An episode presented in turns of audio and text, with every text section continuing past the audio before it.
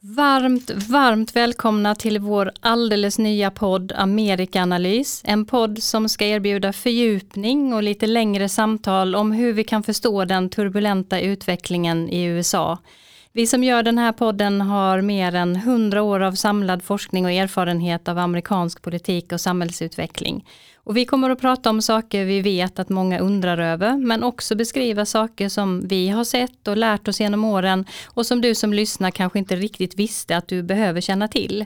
Vi diskuterar saker från olika perspektiv och framför allt kommer vi att sätta det i ett historiskt och politiskt sammanhang. Välkomna att följa med oss i våra samtal. I have a dream that one day this nation will rise up and live out the true meaning of its creed. This is a place where you can make it if you try. This is a country where anything is possible, no matter who you are. We do big things. Together, we represent the most extraordinary nation in all of history. What will we do with this moment? How will we be remembered?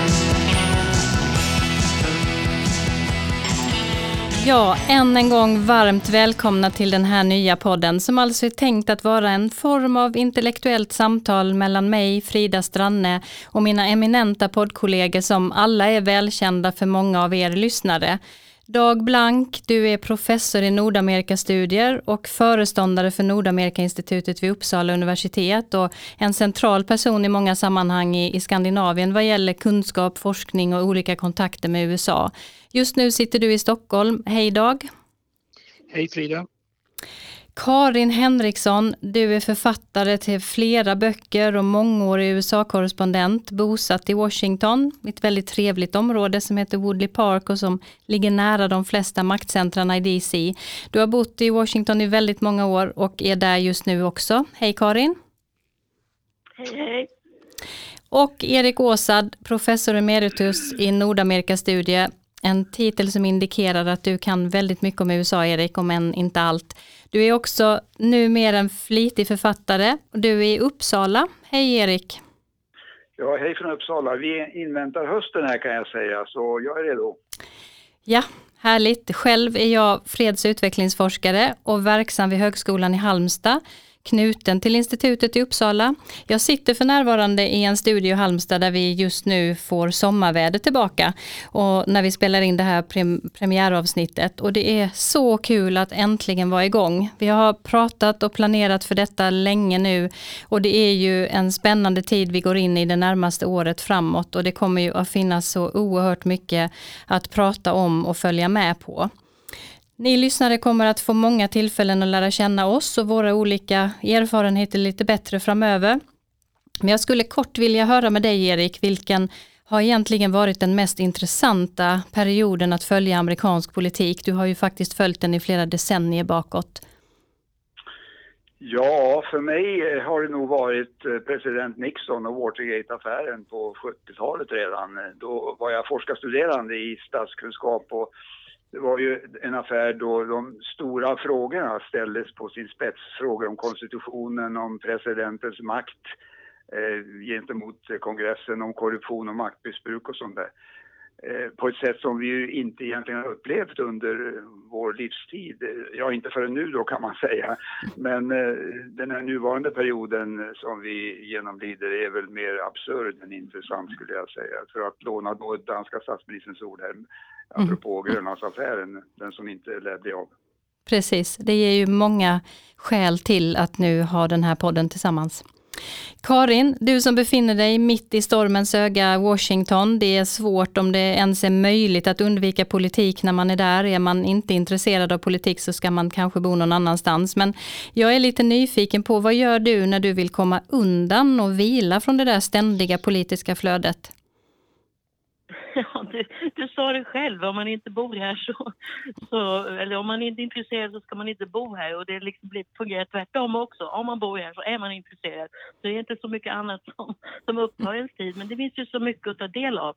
Man kan gå på författarträffar och man kan gå på föredrag, man kan gå på think tank eh, seminarier. Det finns så mycket, men, men som sagt, det mesta är det ju politik, det är det. Det kommer att gynna oss här i den här podden, så det är ju jättebra. Du är högaktuell vet jag med en alldeles färsk bok som kommer ut snart. Vad är det för någonting du har jobbat med nu?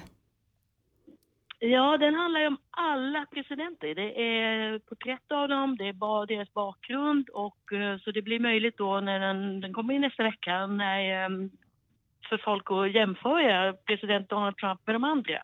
Det kan ju vara spännande kanske. Jättespännande, intressant minst sagt. Dag, du är välkänd för många utifrån din flitiga medverkan i media, men ibland får du lite lugn och ro från den här medialoopen som nästan ständigt är igång. För du är återkommande längre perioder i Rock Island, Illinois. Vad är det som, som för dig dit på den regelbundna basis som du faktiskt är där? Ja, jag jobbar en del av året vid ett institut för, för studiet av den svenska invandringen till USA och svensk-amerikanska relationer. Eh, lite bredare. Ett arkiv, bibliotek och forskningsinstitut som ligger vid Augustana College i Rock Island, Illinois, vid Mississippiflodens strand. Augustana College är ett av de colleges som svenska invandrare i USA grundade i andra delen av 1800-talet. Spännande. Själv är jag också tämligen flitig gäst i olika medier för att kommentera amerikansk politik och även krönikör i Expressen bland annat. Och jag tycker att det ska bli så fantastiskt kul att göra den här podden när vi nu själva kan bestämma vad vi vill prata om och lyfta sånt som, som vi tycker är viktigt. Och jag kan väl tillägga också att även om jag är junior i det här gänget så har jag följt och forskat om USA i närmare 20 år och tycker att det finns så mycket mer att lyfta och diskutera än vad som oftast får plats i nyhetsflödet och det är ju precis det som vi kommer att ha möjlighet till här. Innan vi går in på veckans första tema så skulle jag vilja beröra den senaste utvecklingen av Trumps tänkta Danmarksbesök och frågan om Grönland. Trump ställde ju som säkert ingen har missat in sitt statsbesök med hänvisning till att den danska statsministern inte ville tala om ett eventuellt amerikanskt köp av Grönland. Många har reagerat på detta, hört av sig till mig och bett mig förklara det här, men eh, ja, hur ska man förstå det Dag? Ja, det kan ju framstå som lite underligt att man vill köpa ett annat lands territorium. Eh, men om man ser historiskt på hur USA har expanderat från de ursprungliga 13 delstaterna längs östkusten västerut så kan man se att en, ett sätt som USA expanderade på var just genom att köpa land. Eh, mm, det kanske mest berömda är Louisiana, Louisiana-köpet 1803 då man köpte ett mycket stort landområde i central, det som är centrala USA idag från Frankrike. Expanderade USAs yta med mer än fördubblade, mer än fördubblade USAs yta. Sen har man dessutom köpt Alaska från Ryssland och man har köpt ah, områden från Mexiko. Och det senaste inköpet som USA gjorde det var det som idag kallas för amerikanska jungfruöarna, Virgin Islands. Och det köptes då just från Danmark. Så ja. det är inte ovanligt att köpa territorier. Nej, och hur ska man förstå nu att Trump lyfter den här frågan igen och vill köpa ja, ett område? Finns, Sen finns det naturligtvis en samtida, en samtida förklaring här och det har att göra med att eh, det är Grönland, Grönland ligger där det ligger. Det finns en strategisk position där naturligtvis i Nordatlanten och redan efter andra världskriget försökte faktiskt USA köpa Grönland. Både andra världskriget och det kommande kalla krigets erfarenheter eh, som eh, poängterade den strategiska roll som Grönland har. Då sa Danmark nej, men USA har istället en stor militärbas på Grönland, den så kallade Thulebasen. Sen finns ju också nu i samband med att klimatförändringarna pågår kommer olika naturresurser bli lättare att uh, utvinna uh, på Grönland och det blir ett viktigare transportområde. Det kommer bli lättare att, uh, för båtar och fartyg att manövrera i Arktis. Så Arktis är ett allt mer intressant område och där är USA en spelare.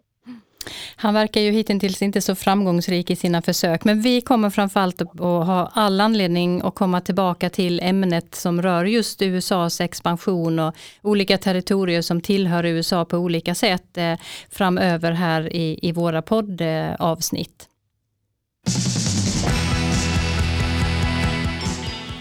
Ja, i vårt första tema för det här premiäravsnittet så ska vi dyka ner lite djupare i den pågående valprocessen i USA. Det är ju en process som har blivit allt mer utdragen och allt mer spektakulär de senaste åren. I mitten av september så är det dags för nästa debatt mellan de av de dryga 20 demokratiska presidentkandidaterna som kvalificera sig att delta, att drabba samman igen. Och det blir den tredje debatten som hålls av totalt 12 stycken. Så den debattintresserade har många sammandrabbningar att se fram emot framåt. Några kandidater kommer sannolikt att droppa av under hösten redan, men den verkliga utslagningen börjar ju först i februari nästa år när väljare i de första delstaterna i primärvalen ska säga sitt.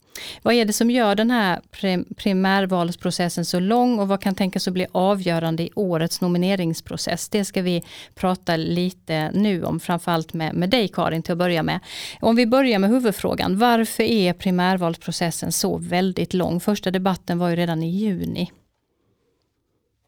Ja, det är ju, i första hand beror det på att det är ett så stort land och att många av de här politikerna inte är så kända. Så de vill ju vara ute så tidigt som möjligt för att profilera sig och hinna besöka de här delstaterna som kommer att bli otroligt viktiga under våren. Det är ett skäl. Ett annat skäl är att de, de måste samla in pengar och det är ju en allt viktigare process det också. Och det pågår för fullt redan och de tävlar och de eh, rapporterar hur mycket de har fått in och, och det är också en slags mätare då på deras popularitet. Och sen måste de ju försöka nå väljare. Det är också en, en, en svår procedur. Uh, ungefär 138 miljoner människor röstade i valet 2016. Men det finns rätt många väljare till att nå ut till om man vill. För totalt sett så är det över 230 miljoner människor som är registrerade eller, eller rättare sagt är röstberättigade. Och det vet vi att det tar tid att, att nå ut till dem. Och sen så måste de anställa folk, de måste ha människor på plats i alla 50 delstaterna. Sen måste de ha då ett gäng runt, kring, runt omkring sig som kanske har bevisat tidigare att de har varit med om att vinna val. Och nu när det är så många kandidater så betyder det att de tävlar om att, tävlar återigen om att, att eh, att kunna anlita de allra bästa. Så det, det är liksom på många plan så, så sker det mycket för varje kandidat. Så man, ibland så liknar man de här tidiga, eh, ja, tidiga planerna vid liksom pop-up-företag. Det handlar ju om att ha hundratals, kanske till och med tusentals människor ute i delstaterna till sist som ska då driva kampanjen. Och visst är det så, så också... Det är inte så konstigt. Nej, men visst är det så också. Ja, absolut. Om, om, en, om eh, enorma belopp som Barack Obamas eh, kampanjkassa till slut översteg en miljard dollar. Det är 10 miljarder kronor och det lär det kosta nästa år också. Mm. Eh, och sen är det ju många som undrar, det är många som är med i den här matchen och, och, ändå många som kanske inte har någon riktig chans. Men de använder ju det här som du nämnde lite kort för att profilera sig och synas på den nationella arenan för, för framtida eventuella politiska uppdrag, eller hur? Ja, eller i andra uppdrag. Det ser bra ut på en CV att eh, uh, före detta presidentkandidaten, han kanske kommer att bjudas in och sitta i någon styrelse eller bli populär ute på den så kallade liksom, talking circuit och vara ute och, och hålla tal och, och helt enkelt vara, vara gäst i olika sammanhang. Kanske de vill bli tv-kommentatorer, det är ju populärt. ja, är det någonting nytt den här gången som du uh, har sett? Ja, det nya är att det blir en lite annan tidtabell. Dels så kommer det börja aningen senare. Det har ju varit kritik mot det under många valår att de satte igång redan i januari. Så nu blir det från och med början av februari. Och sen kommer det ske lite snabbare. Det är fler så kallade super tisdagar när eh, många delstater går till val samtidigt. Till exempel den 3 mars. Då är det både Kalifornien och Texas, alltså jättestora och jätte, eh, jättestora delstater och i synnerhet Texas kommer att bli spännande i år. Därför att man där ser att den, den staten håller på att kanske bli lite, lite, lite mer demokratisk. Och sen så kommer det också och Eh, handla om eh, väljargrupperna naturligtvis. Eh, och viktigt då är då inte minst de svarta, och det, så det blir spännande. Mm. Kan man säga någonting lite kort till alla lyssnare som inte vet riktigt hur det här går till och vad det är som väntar kandidaterna och hur det avgörs? Du menar vänta kandidaterna, hur då menar du? Ja, vad som väntar kandidaterna nu, vad de, vad de gör framåt den närmaste tiden och sen under våren här, hur går, hur går det till? Ja, det går ju till så att de helt enkelt försöker att delta i så många forum som möjligt. Nu har de ju debatterna och under förra valet var debatterna otroligt viktiga och de nådde också stor publik så det, det har man sett den här gången också. Så det är, och det är också större intresse för politiken den här gången och det beror kanske på Donald Trump. Men nu gäller det nu då för dem att, att vara ute och eh, träffa så många väljare som möjligt, bli så omskrivna som möjligt, så positivt som möjligt. Så att det handlar om att synas helt enkelt. Ser du några paralleller till 2016? Ja, ja alltså det är ju då intresset är ju stort va? och eh, jag tror också att eh, den här polariseringen i samhället syns ju också tydligare så det kommer bli en hårdare kamp. Det är ju inte en likhet men det, man kan säga att 2016 var, var tufft och det här kommer bli minst lika tufft för, på demokratiska sidan. Mm. Dag, eh, primärvalen har ju inte alltid varit så här omfattande eller sett ut på samma sätt. Eh, kan du ge oss någon liten bild av hur de har förändrats över tid? Alltså primärvalen är någonting som infördes i början på 1900-talet i vissa delstater och framförallt eh, i många delstater sedan 1968. Vad det handlar om är att hur partierna utser sina kandidater. Det är vad hela processen handlar om. Och innan primärvalen var dominerande så var det partierna själva som gjorde det. Partibossarna talade man om. Man brukade samlas i rökfyllda bakrum, rökfyllda rum och där gjorde man upp liksom vem som skulle bli kandidat. Och det kom kritik mot det, inte minst i början på 1900-talet under den så kallade progressiva rörelsen. Man ville öppna upp processen och då vill man då låta partimedlemmarna rösta i sådana här val eller till och med ibland partisympatisörer ska få rösta så att folket skulle få säga sitt eh, om de här kandidaterna. Och under de senaste presidentvalen har vi, ser vi primärval eller partinomineringsval, caucuses, det finns två huvudsätt här det ser vi ju nu i alla delstater, men det är ändå någonting som vi har sett under de senaste 50 åren bli, bli normen. Så tidigare så hade man inte sådana här kandidater, sådana här kampanjer som vi ser idag.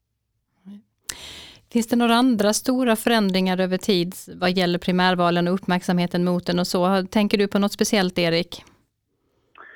Ja, det är ju det här att de har blivit så många och att de förekommer i alla delstater idag och att de har blivit så avgörande.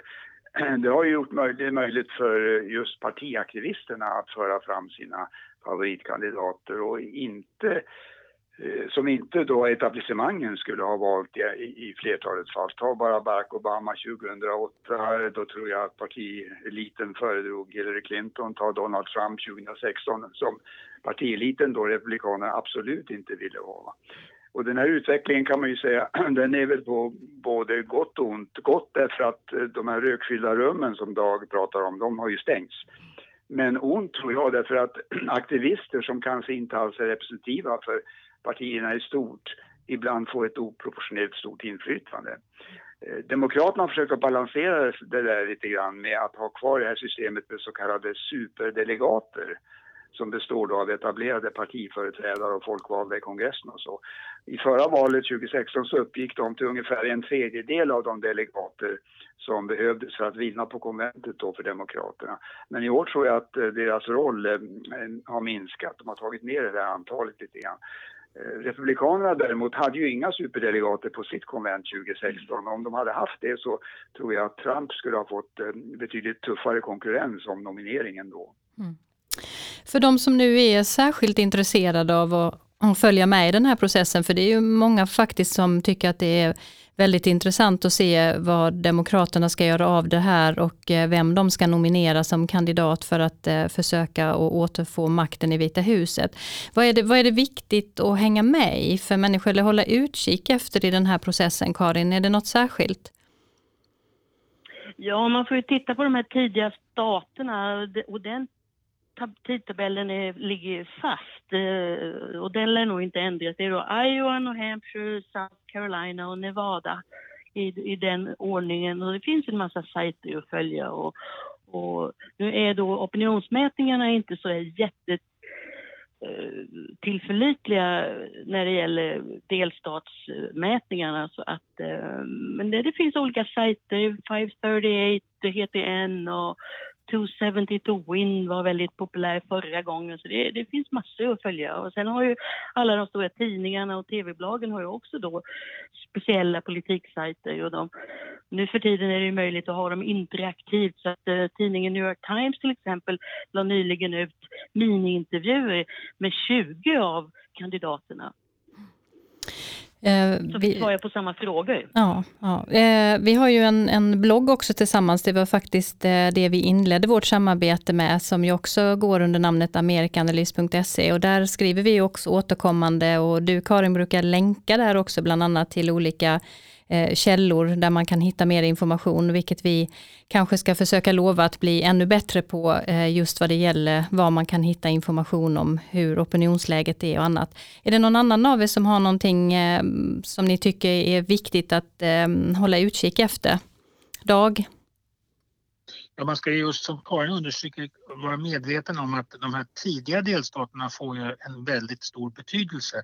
Delstaten Iowa som jag känner till ganska väl, eh, den är ju väldigt orepresentativ för USA. Det är en, en, en jordbruksdelstat, en liten jordbruksdelstat med en mycket stark vit, dominans av vit befolkning. Likaså New Hampshire som ju också är tiden, mycket tidig delstat som alltid har varit tidig. Eh, den är inte heller så representativ.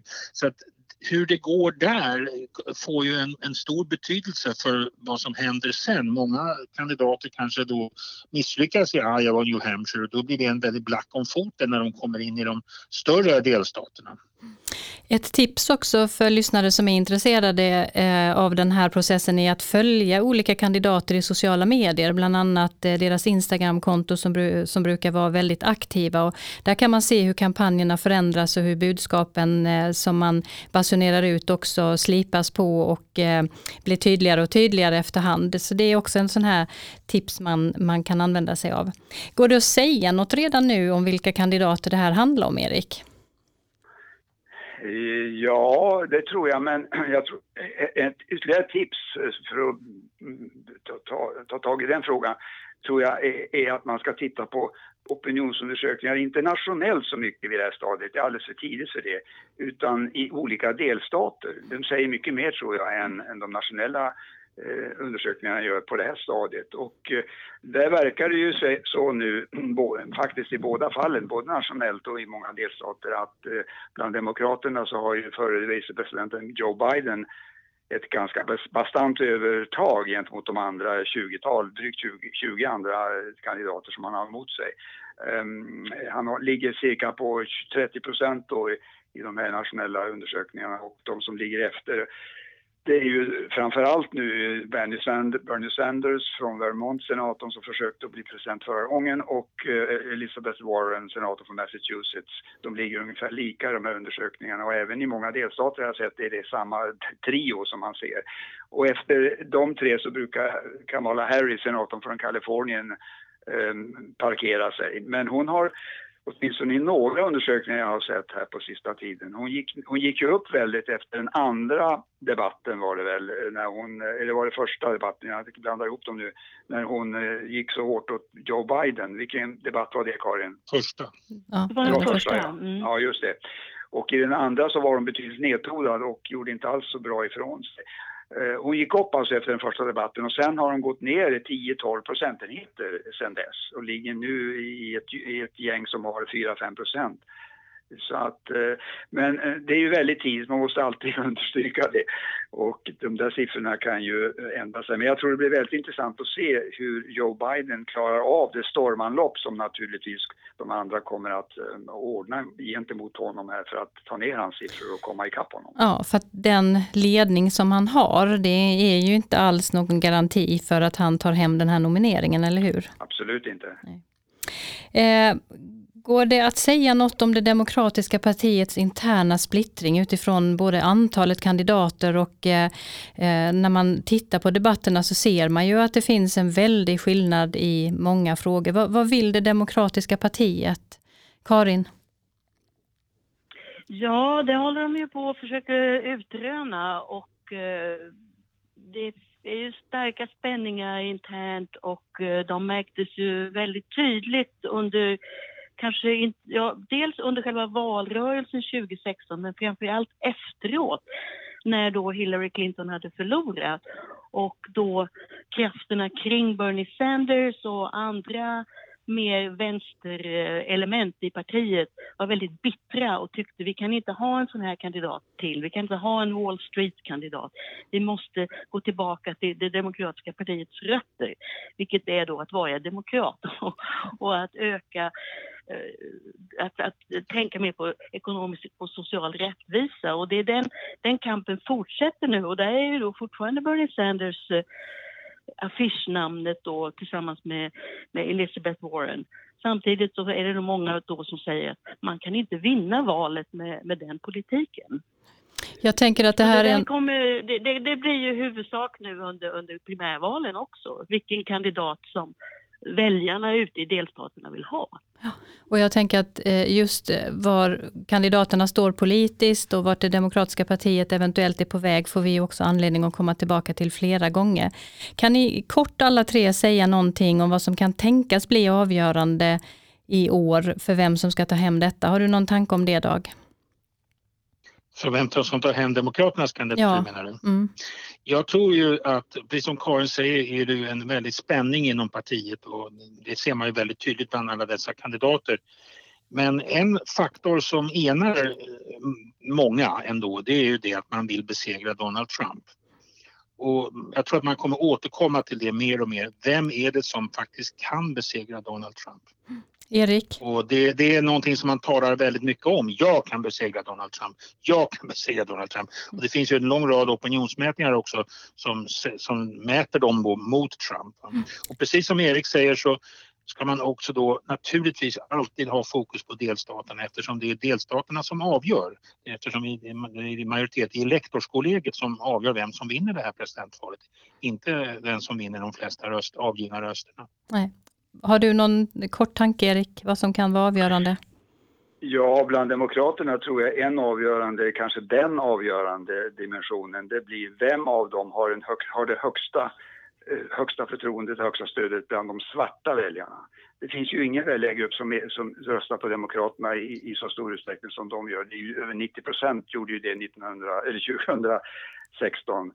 Eh, och eh, där, det är därför som tror jag Sanders ligger så pass bra till och har gjort så länge. Han har liksom lever på sin cred från eh, vicepresidenttiden med Obama. I South Carolina till exempel så har han över 60 procent utav de svartas röster nu. Det vet man ju inte hur det blir framåt, men de svartas röster, det är en mycket viktig faktor här. Du menar Biden, Erik? Biden sa jag, vad sa jag? Sanders. Ja, förlåt. Nej, jag menar Joe Biden. Joe Biden menar vi.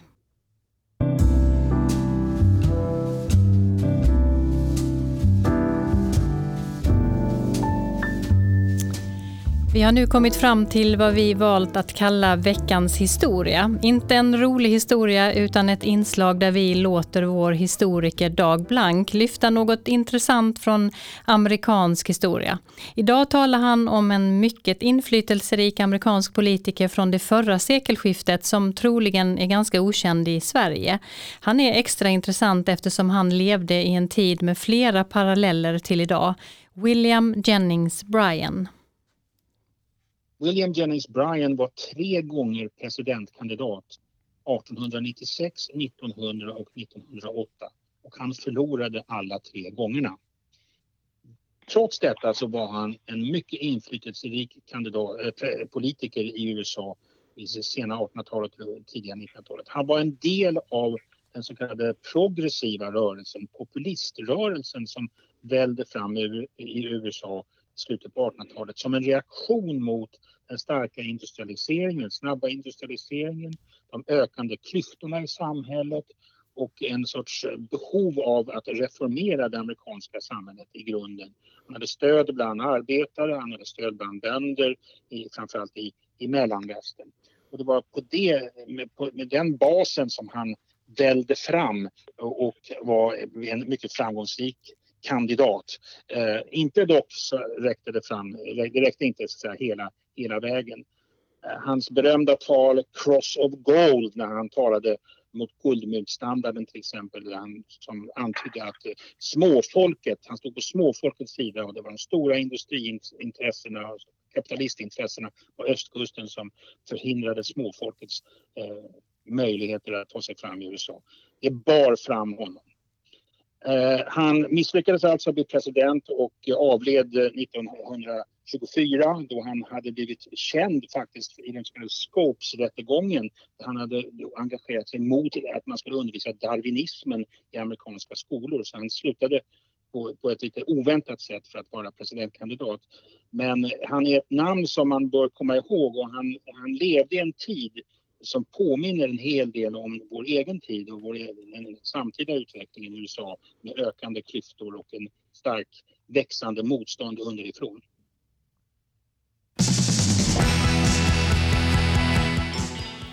Ja, vårt andra längre tema idag handlar om striden om rösträtten i USA.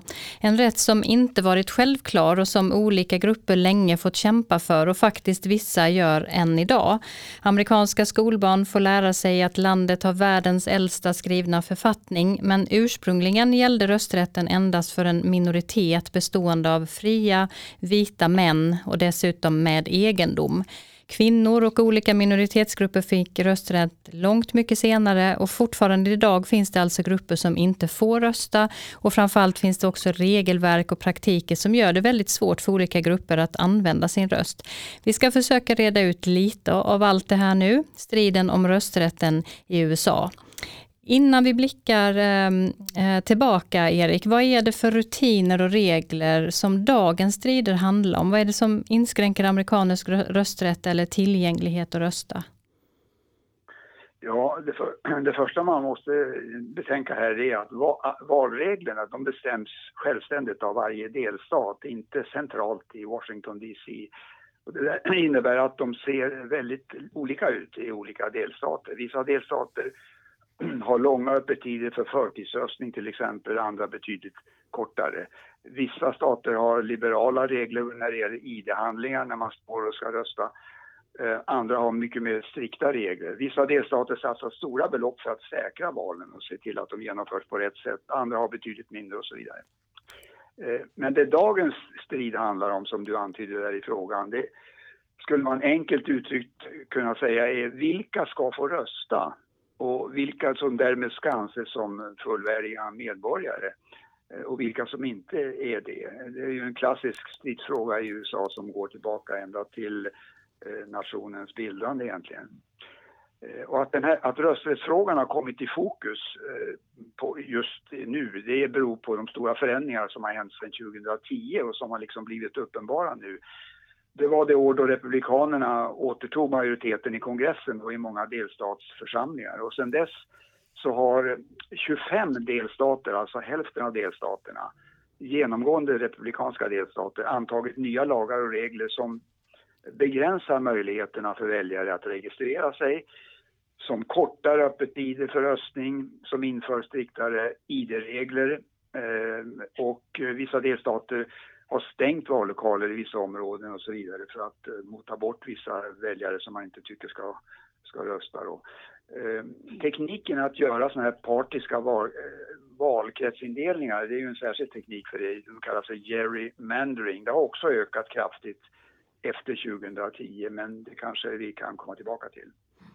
Jag tänker när eh, lyssnare hör dig berätta om detta så tror jag, jag tycker att folk man möter också när man pratar om det här eh, får en fundering kring hur demokratiskt är det? Alltså det känns eh, eh oerhört problematiskt med den typen av inskränkningar.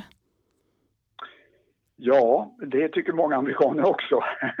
Och det är därför som det förs en sån stor strid om det där. Och det är därför som domstolarna får ta hand om sådana här ärenden där, där, nya regler och lagar tas upp och, och blir föremål för domstolsbeslut.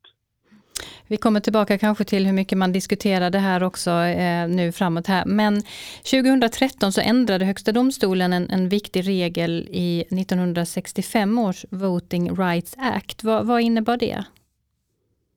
Ja, just det. Eh, den här rösträttslagen 1965 som ju genomfördes under Lyndon Johnsons tid som president, den tog bort de sista diskriminerande regler som hindrade svarta från att rösta. Svarta hade ju fått eh, rösträtt mycket tidigare i teorin och i författningen eh, genom tillägg och så. Men i den här rösträttslagen 65 där fanns det en särskild bestämmelse som förbjöd delstater med en historia av diskriminering i praktiken flertalet sydstater då, att, att ändra valreglerna utan att få godkänt av de federala myndigheterna. Och det där kallas på engelska för pre-clearance. Man måste få tillstånd att ändra på det här därför att man hade en mörk historia utav rösthindrande kan man säga.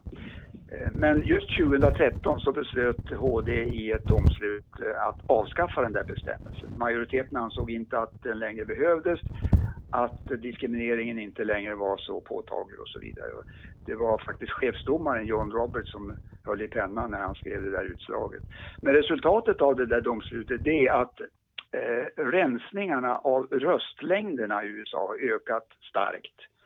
Och dessutom så har nya röstnings, röstningshinder tillkommit eller införts som framförallt då har drabbat minoriteter. Eh, I, I Georgia till exempel, i en sydstat, så raderades över 100 000 väljare från röstlängderna inför förra mellanårsvalet 2018. Eh, och det räckte då med att ha ett litet stavfel på registreringslappen för att den skulle förklaras ogiltig. I Tennessee, en annan sydstat, så har guvernören undertecknat en lag som gör det svårare för grupper som vill registrera nya väljare. Eh, och det säger man då, Republikanerna säger det, att det, det, är för att motverka valfusk. Medan Demokraterna säger nej, nej, eh, ni gör det här för att hindra minoriteter från att rösta. Så det är väldigt strid i olika delstater om, om sådana här frågor nu. En fråga som också länge diskuterats är om dömda brottslingar ska få rösta och bland annat så är det aktuellt i, i Florida just nu. Um, kan du berätta lite om det? Ja, även här så är det så att reglerna är olika i olika delstater. Vissa har hårda regler, andra är mer liberala när det gäller till dömda brottslingar just. Allmänt så kan man säga att eh, i, i jämförelse så har USA bland de tuffaste reglerna i världen i västvärlden i alla fall, för personer som blivit dömda för brott. Eh, enligt ett beslut i Högsta domstolen från 1974, tror jag det var, så ger man varje delstat rätt att neka dömda brottslingar rösträtt. Men de flesta delstater ger faktiskt personer som har avtjänat sina brott rösträtt, åtminstone om det, om det handlar om lindrigare brott. Men trots det så beräknar man att mellan 5 och 6 miljoner tidigare dömda Eh, är, berövade sin rösträtt i USA. Och bara i Florida handlar det om 1,5 miljoner eh, människor och det är mer än i någon annan delstat. Eh, det där lättades 2007 i Florida. Då blev det lättare för, för dömda personer att återfå rösträtten där. Men det ändrades sen av en republikansk guvernör som heter Rick Scott som numera är senator för Florida i, i, i Washington. Eh, och han gjorde så att tillsammans med republikanska majoriteten då i delstatsförsamlingen så att de gamla striktare reglerna återinfördes igen. Men sen hade man en folkomröstning om det här i Florida eh, i höstas i, eh, i samband med novembervalet som ledde till att en stor majoritet, det var över 60 procent, som godtog ett tillägg till författningen, delstatsförfattningen som innebar det att merparten av de dömda som har avtjänat sitt straff i delstaten nu automatiskt kan återfå rösträtten om de ansöker om det. Dock inte morddömda eller sexualbrottslingar, de är undantagna. Eh, men det här kan alltså beröra uppemot 1,5 miljoner människor varav merparten kan man nog utgå ifrån eh, är minoriteter och det kan ju ha faktiskt en stor inverkan på valresultatet där i Florida. Och Florida är ju som vi vet en, en sån här swing state, en stat som står och väger i presidentvalen numera. När det gäller det här med att eh, fångar eller tidigare dömda inte har rösträtt. Jag vet inte om du, om du vet det här eh, Erik, men visst är det i internationell jämförelse bland västdemokratier väldigt ovanligt? Ja, det är jag osäker på. Det kanske Dag eller Karin, är ni bättre informerade om det? Annars får vi ta reda på det. Jag vet att jag läste det vid ja. något tillfälle i alla fall, att det är väldigt eh, få länder som har liknande regler. Och också ja. att det är en jag anledning. Jag sa det i början där, att de har bland de tuffaste reglerna mm. som finns, bland, åtminstone bland västländer. Mm. Eh, ja, om vi tar det lite från början, eh, Dag. Vilka medborgargrupper var det som enligt konstitutionen, jag nämnde det lite kort, hade rösträtt och, och när fick de andra grupperna eh, rösträtt som sen har följt efter där i olika tillägg? Ja, konstitutionen talar om eh, fri, eh, fria vita personer som skulle kunna få rösta. Fria vita personer, män. Och det betyder alltså att de som var eh, fria, alltså icke slavar då va? och eh, som var vita enligt den amerikanska klassificeringen och som var män, de hade, de hade, de hade rösträtt enligt, enligt eh, konstitutionen. Eh, och eh, så var det fram till inbördeskriget, inbördeskrigets slut när genom det femtonde författningstillägget eh, så gavs också utsträcktes rösträtten till tidigare slavar, alltså de som hade blivit fria då som en del av inbördeskriget. Och då från och med 1870 så skulle också de svarta eh, kunna, kunna rösta då. Och det kunde man under en kortare period, eh, under en tioårsperiod ungefär. Eh, men sedan så skärptes reglerna igen på delstatsnivå som Erik berättade att det är delstaterna då som kan sätta hinder i vägen och en lång rad delstater, framförallt i sydstaterna, i princip förhindrade eh, svarta från att delta i valen. Och det var inte då förrän 1965 med den här Voting Rights Act under medborgarrättsrörelsen som de svarta fick möjlighet, fullständiga rättigheter att delta. Kvinnor fick rösträtt genom det 19 författningstillägget 1920 och indianer, de amerikanska indianerna som från början ansågs som främmande nationer så att säga, och som gradvis inkorporerades i USA allt eftersom deras land erövrades av USA. De fick inte full rösträtt förrän 1924. Mm. Eh, Man kan lägga till dock, det är en intressant sak att lägga till dock, att de här fria vita männen då som röstade, från början fanns det eh, så kallade eh, för, eh, egendomsbegränsning, man måste ha en viss pengar, man måste äga egendom. Och det var de här strecken som man talade om, egendomsstrecken som har funnits i många länder, även i Sverige, de försvann ganska snabbt under början av 1800-talet. Och framåt 1840 kan man säga att det fanns inga begränsningar, inga ekonomiska begränsningar för de här fria vita männen som röstade då. Så att bland dem så var det en, en mycket hög andel av de männen som deltog i, i val. Man kan säga högre än i många europeiska länder absolut högre än i Sverige.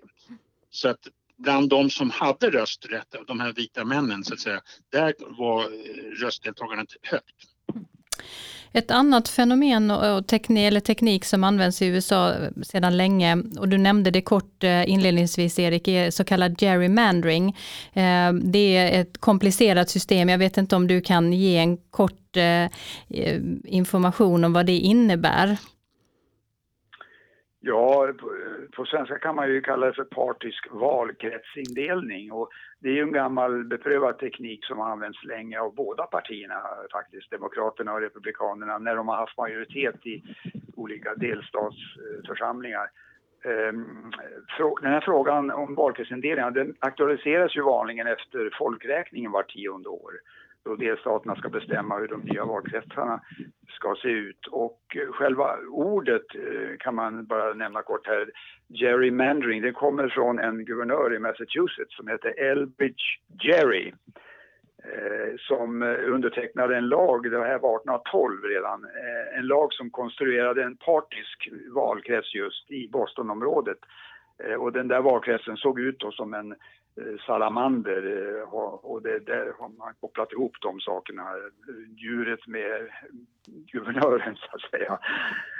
Men metoden används på två sätt kan man huvudsakligen. Dels så används den för att säkra så många röster som möjligt för det egna partiet.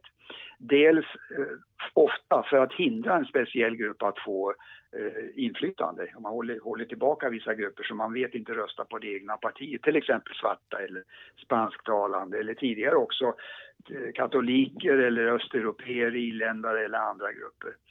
Eh, man kan också säga allmänt, eh, om man ska generalisera lite, att fram till 1900-talets mitt ungefär, 1960-talets mitt ska jag säga, eh, ungefär när de här medborgarrättslagarna kom så var det Demokraterna som flitigt, flitigt hade använt de här, den här tekniken för att stänga ute svarta väljare i söder. Eh, men idag när partierna har skiftat position i rasfrågan, det skedde ju under 60-talet, då är det istället Republikanerna som mest använder det. Och det har varit särskilt tydligt efter eh, deras stora valseger 2010. Sen finns det vissa delstater, ett, ett fåtal har jag sett, som har inrättat oberoende valnämnder som gör valindelningarna och alltså inte majoritetspartiet eller delstatsförsamlingen. Men det vanligaste är fortfarande att eh, majoritetspartiet gör det. Och visst är det så att nu kommer det en ny folkräkning som kommer påverka också det här eh, framåt? Precis, den kommer ju då, eller har ju redan förberetts här och i strid om formuleringar och sånt där och kommer ju att genomföras nu eh, inför eh, under 2020. Och det kommer vi också kan jag tänka mig att få all anledning att komma tillbaka till framåt. Karin, avslutningsvis, eh, jag kan tänka mig att många faktiskt eh, som är, är, här i Sverige tycker att de här inskränkningarna eller försöken till att hindra folk från att rösta och annat låter väldigt eh, märkligt och, och, det är ju också kontroversiellt på, på olika sätt i USA. Men du som lever där eh, mitt i alla pågående diskussioner, hur mycket pratar man egentligen om, om det här? Ja, man pratar ganska mycket om det och det finns en massa förslag som dyker upp då och då. Under Bill Clintons tid som president så prövade man någonting som man kallade för motor voter. Att folk skulle kunna registrera sig för att rösta när de förnyade sina körkort eller fick körkort. Och det var, det, de flesta amerikaner har ju körkort så det var ett sätt då att, att öka röstdeltagandet. Så det finns massor av idéer på, det, på, det, på den fronten och detsamma gäller ju hela Eh, indelningen med, med elektorer, om, om man ska ha ett mer proportionellt system och så vidare. Men, men det partiet som liksom dominerar är ju inte intresserade av att och förändra någonting. Så att, eh, men man kan bara nämna kortfattat att eh, förre presidenten Barack Obama och hans justitieminister Eric Holder, de har en grupp tillsammans där de försöker att och ta bort då hinder från att rösta. Till exempel så sa man då 2016 att det var väldigt långa köer. Att det är ett sätt då att, att eh, att man ska snabba på processen, då kommer fler att vilja rösta eller få rösta. Så det, det, det, finns många idéer men det är inte så mycket som kommer hända, så kan man säga.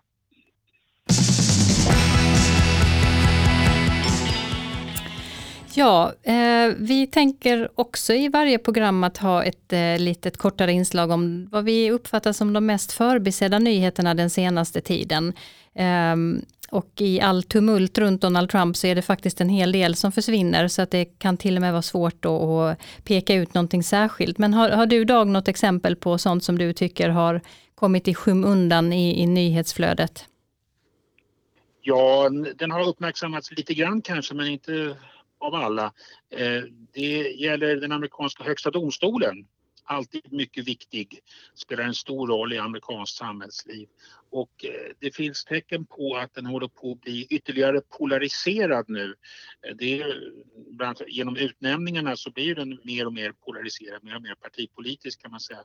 Och nu har vi ett fall som gäller vapenkontroll i New York där man har försökt genomföra ökad vapenkontroll i New York och det har kommit, komma upp i Högsta domstolen ska behandlas där. Och då har demokratiska senatorer skrivit ett så kallat amicus brief där man kan så att säga, lägga sig i eller göra ett inspel i diskussionen. Det kan man göra inför domstolen. Olika, eh, olika parter, olika organisationer och individer kan skicka in kommentarer och har några demokratiska senatorer gjort det och där man har anklagat Högsta domstolen väldigt hårt och anklagat majoriteten väldigt hårt för att ha blivit så partisk och för att agera på ett sådant sätt som man blockerar möjligheter just till, till vapenreformer i väldigt skarpa ordalag.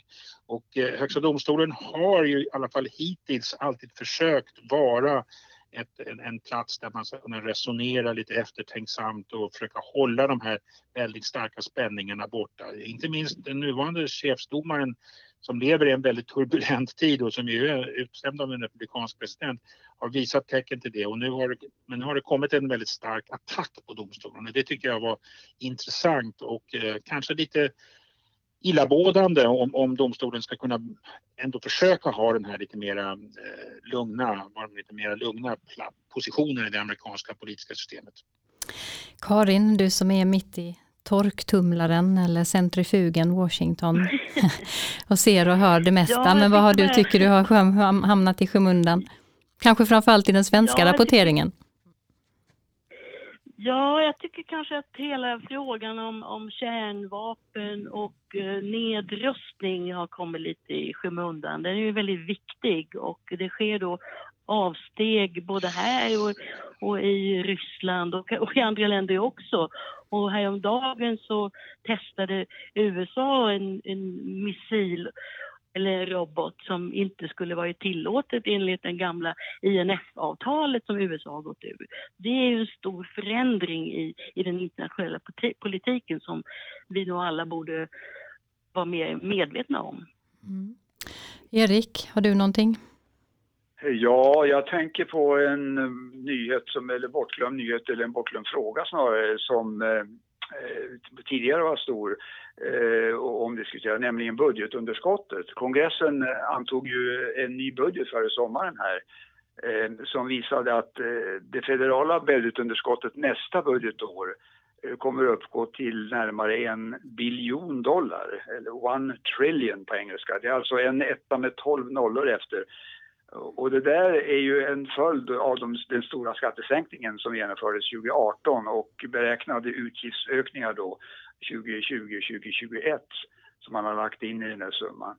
Eh, och vissa ekonomer säger ju nu att USA är på väg mot de största underskotten sedan andra världskriget. Vi får väl se vad det, vad det landar på. Men det som är intressant är att eh, i början av 90-talet så var ju den här frågan om budgetunderskottet oerhört stor och omdebatterad och båda partierna Eh, Eh, drev ju det att, eh, väldigt hårt att man skulle försöka få ner budgetunderskottet och till och med fanns det förslag att, att man skulle ha tillägg till författningen som krävde då att man skulle ha balanserade budgetar, att kongressen alltid skulle ha balanserade budgetar. Eh, någon kanske minns eh, finansmannen Ross Perot. Han ställde ju upp 92 eh, mot Bill Clinton och George H.W. Bush Eh, och hade stora framgångar med just den här frågan. Alltså den dominerade diskussionen då. Idag när eh, det, det, underskotten går liksom mot nya rekord eh, så är den begravd och man kan undra varför.